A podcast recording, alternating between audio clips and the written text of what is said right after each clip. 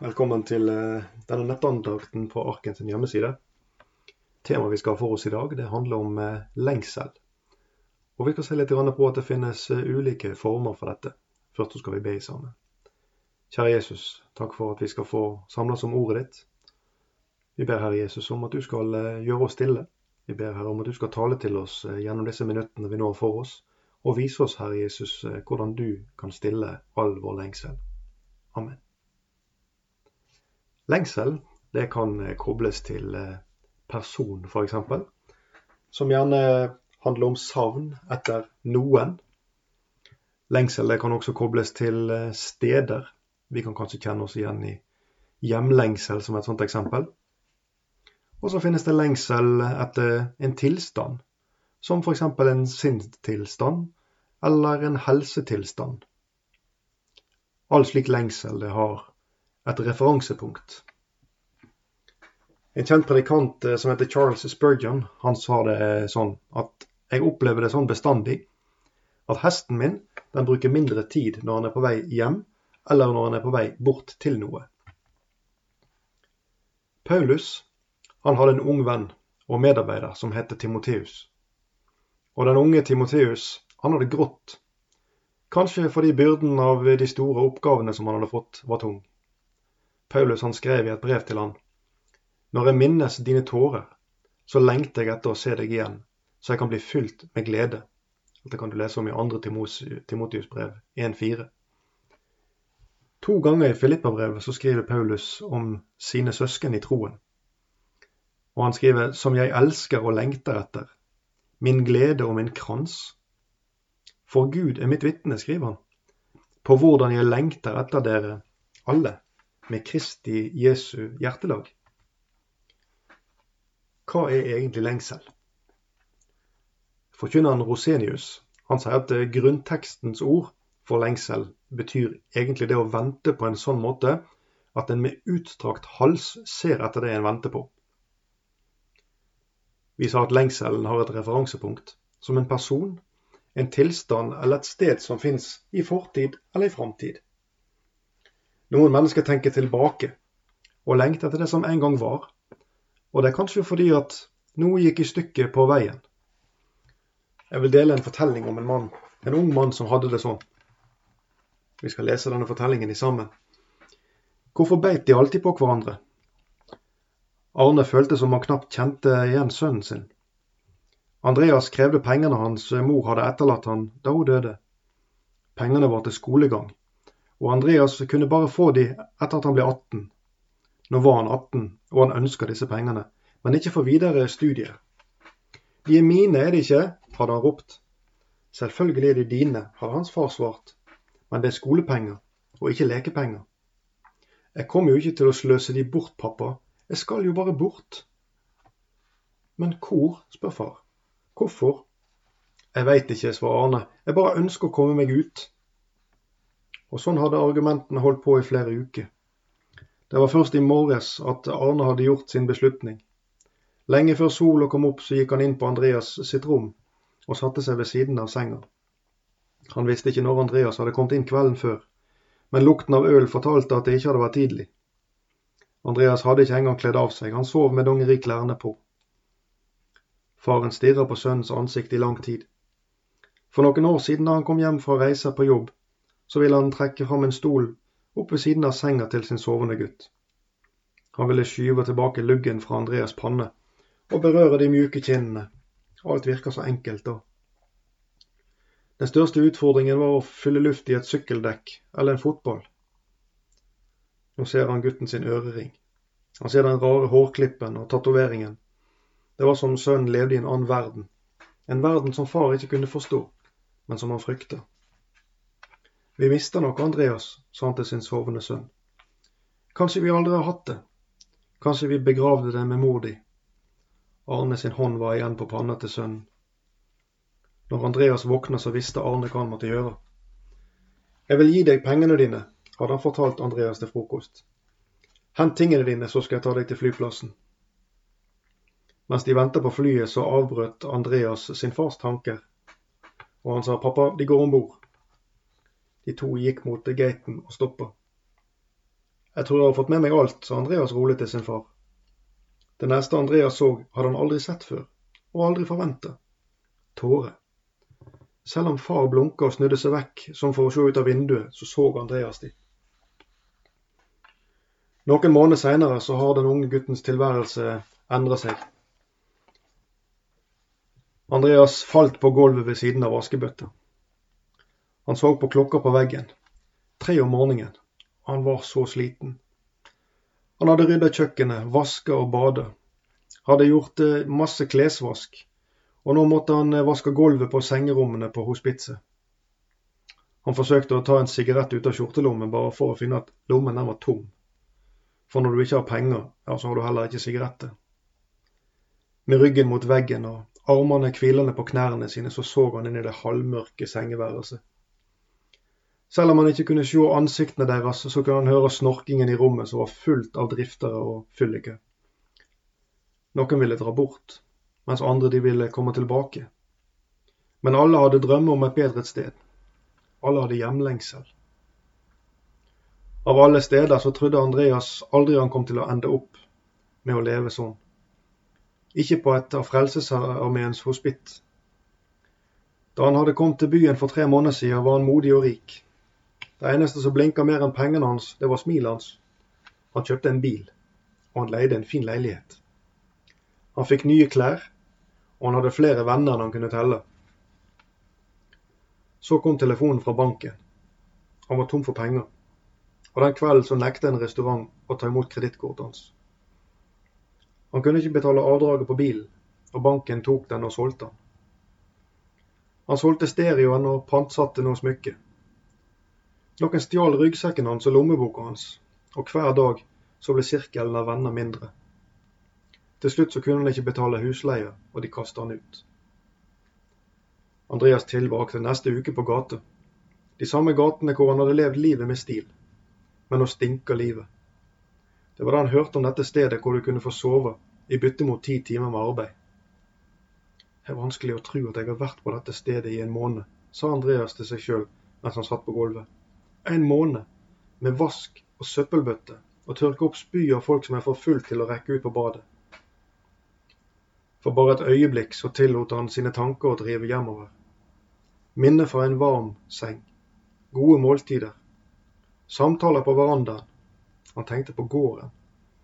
Han tenkte på sin fars arbeidere som kom inn på slutten av uka for å hente lønna. Og disse guttene, de har det bedre enn jeg, sukker han. Selv fyren som slår gresset hjemme på gården hos min far, har gode måltider og et hjem. Rart. Bare et par måneder siden så var hjemmet et fengsel med for mange regler. Et bur som må holde en fugl som ønsker å være fri. Men nå hadde Andreas hjemlengsel. Han reiste seg opp og tok noen skritt inn i sengerommet han var i ferd med å rengjøre. Plutselig så han ansiktet sitt i speilet. Det så annerledes ut. Han dro tilbake håret og stirret på bildet, og han så noe som han aldri hadde sett før. Han så sin far. Han hadde blitt fortalt at han lignet på far sin, men han kunne liksom ikke se det. I kveld så gjorde han. Samme haka. Samme nese. Pappa. I sitt sinn så så han sin far igjen. På flyplassen så hadde ikke farens ord kommet frem, men tårene hadde. Og tårene hadde sagt mer enn ord noensinne kunne. Andreas sto rett opp og snakka høyt. Så høyt at fyren i den nærmeste køya ruller over på sida. Andreas bryr seg ikke. Jeg drar hjem, sier Andreas halvhøyt. Han la ned en mopp og bøtte og gikk ut i natta. Lastebilsjåføren Lars slurker en kopp kaffe i isopor og setter den tilbake på dashbordet. Men eh, dette er favorittiden av, dagen hans, tidlig om morgenen. Som de fleste lastebilsjåfører så kjører han om natta. Men i motsetning til andre sjåfører så liker denne lastebilsjåføren Lars å holde seg på veien noen timer om morgenen. Hver soloppgang er et mirakel. Hvem ønsker å gå glipp av et mirakel? I sine 30 år på veien så hadde Lars sett mange soloppganger, de fleste av de alene. Denne morgenen derimot så er han i ferd med å få selskap. Idet han snur lastebilen inn på motorveien, så ser han en haike. En ung mann i dongeribukse og ei fillete skjorte. Lastebilsjåføren Lars plukker ikke ofte opp eh, haikere. Men noe ved denne gutten fanger Lars øye. Han drar lastebilen over til sida av veien. Og I sidespeilet sitt så kan han se gutten komme løpende mot lastebilen. Lars lener seg over og åpner passasjerdøra. Takk for at du stopper. Haikeren er nesten andpusten. Skal du langt? Ja, jeg skal minst ytterligere to timer sørover, sa lastebilsjåføren. Ja, det er alt jeg trenger, svarer Andreas. Den unge mannen klatrer inn i lastebilen. Hvor skal du? Lastebilsjåføren henvender seg. Hjem, svarer Andreas. Har du vært borte lenge? Når gutten svarer, så hører lastebilsjåføren Lars sorg i stemmen hans. For lenge, du. For lenge. Vel, jeg heter Lars, sier lastebilsjåføren. Andreas er navnet mitt, svarer gutten. Lars ser på Andreas sine skitne klær og de slitne øynene. Det ser ut som du kunne trenge en god natts søvn og et måltid. Ja, jeg har møtt harde tider. Og før han vet om det, så finner Andreas seg i ferd med å fortelle hele historien sin. Når han er ferdig, så ser han opp i Lars øyne som en varm av medfølelse. Så du ble endelig så sulten at du valgte å dra hjem? spurte Lars. Andreas stanset et øyeblikk før han svarer. Nei, det var ikke det. Jeg mener, jeg kunne håndtert jobben og fått mat der jeg var. Så hva gjorde at du bestemmer deg eh, for å dra hjem, Andreas? Tanken på det som jeg gjorde mot min far. Jeg knuste hjertet hans. Jeg må si jeg er fryktelig lei meg. Ja, skal du flytte hjem igjen da, spør Lars. Jeg vet ikke, Lars. Jeg skal se om jeg kan få jobbe i nærheten, men jeg tror ikke pappa vil ha meg under samme tak. Oi, sier han plutselig. Dette er stedet hvor jeg eh, skal gå av. Lars bremser ikke. Det trenger du ikke, unge mann. Jeg skal ta deg helt til døra.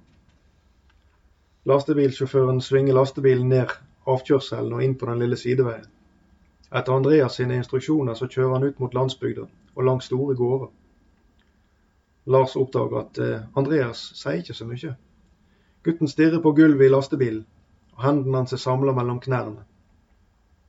Den erfarne sjåføren legger hånda på guttens skulder. Andreas, det kommer til å gå. Men hva om han ikke engang slipper meg inn, avbryter Andreas. Hva hvis han ikke vil la meg fortelle hva som skjedde? Andreas, jeg er sjøl far. Jeg vet hvordan pappa føler. Du er nødt til å fortelle din far sannheten. Gi han en sjanse til å tilgi deg. Andreas ser over på sjåføren, og deretter kommer faren til gård til syne. Vi er nesten der, sier Andreas. Når de kommer til huset, så svinger lastebilsjåføren lastebilen over på sida av den smale veien og stopper. Jeg venter her. Han smiler. Bare fortell han sannheten, Andreas. Andreas nikker, trekker pusten og åpner døra. Takk for turen. Takk for gode råd. Lastebilsjåføren ser gutten som går sakte nedover veien mot huset. Og Lars kan se at Andreas snakker mens han går, for han øver på hva han skal si. Han er bare halvveis til huset når en person dukker opp. Og selv om Lars aldri har sett personen, så vet han på et øyeblikk at det er Andreas sin far. For bare en far vil gjøre det som denne mannen gjør. Han løper. Han løper fort. Armene de er spredd vidt, og et smil har han som ingen kan gå glipp av. Lars er stille. Han ser at morgensola stiger opp bak en nedslått gutt og hans løpende far. Når Andreas ser sin far nærme seg, så faller han på kne. Han prøver å snakke, men ordene vil liksom ikke komme. Den innøvde talen, den blir glemt, mens han kaster armene rundt sin fars midje. Lastebilsjåføren Lars tørker bort tårer av sine egne øyne. Mens han starter lastebil. Han har sett det han kom for å se. Han har sett et mirakel, også denne morgenen. Denne fortellingen som vi har delt i sammen, den speiler en lignelse som Jesus forteller om i Lukas 15. Og vi skal lese noen få vers her. Lukas 15 av vers 11 til 24. Og han sa, en mann hadde to sønner. Den yngste av dem sa til faren, Far, gi meg den delen av boet som faller på meg. Han skiftet da sin eiendom mellom dem. Ikke mange dager senere samlet den yngste sønnen sammen alt sitt og dro til et land langt borte og da sløste han bort alt han eide i et utsvevende liv. Men da han hadde satt alt over styr, ble det en svær hungersnød i landet, og han begynte å lide nød. Da gikk han bort og holdt seg til en av borgerne der i landet, og han sendte han ut på markene sine for å gjete svin. Han ønsket å fylle sin buk med de skolmer som svinene åt, og ingen gav ham noe. Da kom han til seg selv og sa, Hvor mange leiefolk hos min far har overflod av brød, men jeg setter livet til her av sult. Jeg vil stå opp og gå til min far, og jeg vil si til ham, Far, jeg har syndet mot himmelen og mot deg. Jeg er ikke verdig til å lenger kalle sønnen din. La meg få være som en av leiefolkene dine. Og han sto opp og kom til sin far. Men da han ennå var langt borte, så hans far ham, og han fikk inderlig medynk med ham. Han løp han i møte, falt han om halsen og kysset ham igjen og igjen. Da sa sønnen til ham, Far, jeg har syndet mot himmelen og mot deg. Jeg er ikke lenger verdig til å kalles sønnen din. Men faren sa til tjenerne sine, Skynd dere, ta fram den beste kledningen og ha den på ham. Gi han en ring på hånden hans og sko på føttene. Hent gjøkalven og slakt den, og la oss ete og være glade. For denne sønnen min var død og er blitt levende. Han var tapt og er blitt funnet. Og de begynte å være glade. Denne lengselen som vi snakker om her, den har også et referansepunkt. Den unge mannen som finner seg i utlendighet, han lengter. Han lengter etter det som en gang var. Før ting floker seg til. Akkurat som den unge Andreas i fortellingen som vi leste i sammen. Vi leste i Lukas 15, vers 17. Da kom han til seg selv og sa, Hvor mange leiefolk hos min far har overflod av brød, men jeg setter livet til her av sult. Du, denne unge mannen han hadde en lengsel. En lengsel tilbake til farshuset. En lengsel tilbake til et liv uten floker, uten mange knuter og uløselige saker. Og han hadde en lengsel etter kjærligheten ifra sin far. En lengsel etter å få gjort opp og være på bølgelengde med denne som han er glad i. I vers 18 så leste vi jeg vil stå opp og gå til min far, og jeg vil si til ham, Far, jeg har syndet mot himmelen og mot deg. Denne unge mannen han har begrensede forhåpninger, og de er knytta til uverdighet. De er knytta til det at han lengter etter noe som han innser er ufortjent. I vers 19 så planlegger denne unge mannen hva han skal si til sin far. Vi leser Jeg er ikke verdig lenger til å kalles sønnen din. La meg få være som en av leiefolkene dine. Jeg tror mange vil kjenne seg igjen i dette. Ting gikk i stykker, i smått eller i stort. Og livet, ja, det har bydd på endringer, kanskje gjennom fristelser av valg, som har skapt uløselige floker. Svar på lengselen etter fred og trygghet og kjærlighet er den men finnes hos Jesus. Uansett din situasjon, uansett hvilke floker det gjelder, eller størrelsen på problemene. Og denne lengselen etter fred og trygghet, ja, den strekker seg for mange også inn i framtida. Ifra nå-situasjonen til en fremtidig situasjon hvor en lengter etter at alt skal være oppgjort. Kan jeg få tilgivelse? Eller kan jeg komme til himmelen? Er alt tapt for meg, eller kan jeg komme inn? Svaret, kjære deg, det er ja. Uansett synd. Uansett hvor du befinner deg i livet. Uansett hva du har gjort eller du ikke har gjort. Og veien tilbake, ja, den starter med erkjennelse, slik som for disse to unge menn vi har delt, den ene fra lignelsen fra Lukas og den andre fra denne fortellingen. Veien tilbake starter med en erkjennelse, og den ender i en åpen favn av nåde og kjærlighet. Vi leste fra Lukas 15 vers 20. Og han sto opp og kom til sin far. Han tok altså, altså og agerte på dette. Han gjorde alvor av disse tankene. For å oppnå det han lengta etter, så sto han opp. og kom til sin far. Og så leser vi Men da han ennå var langt borte, så hans far ham, og han fikk inderlig medynk med ham. Han løp ham i møte, falt han om halsen og kysset ham igjen og igjen. Kjære venn som hører disse ordene, denne lignelsen og denne fortellingen, disse versene som vi deler sammen, og tanker rundt lengsel. Lengter du? Har du lengsel etter å kunne hvile i visshet om at du faktisk er tilgitt, og at Jesus faktisk elsker deg? Lengter du etter glede over at alle feil de er viska ut? Kanskje lurer du sånn som sønnen i fortellingen. Ja, i begge disse fortellingene. Hva skal du si? Hva skal du si i møte med Jesus? I 1. Johannes brev, kapittel 1 vers 9, der leser vi et kjent og et kjært vers for veldig mange. Dersom vi bekjenner våre synder, er Han trofast og rettferdig, så Han forlater oss syndene og renser oss fra all urettferdighet. Kjære venn, som bærer på lengsel i ditt hjerte etter fred med Gud. Jesus venter på deg, som den gode far i lignelsen og i fortellingen som vi delte. Jesus venter på deg som alt har floka seg til for. På deg som ikke kan tilgi deg sjøl for det du har gjort eller ikke gjort, eller sagt eller ikke sagt.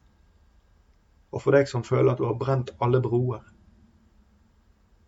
for vi leste at Jesus, han er trofast og rettferdig.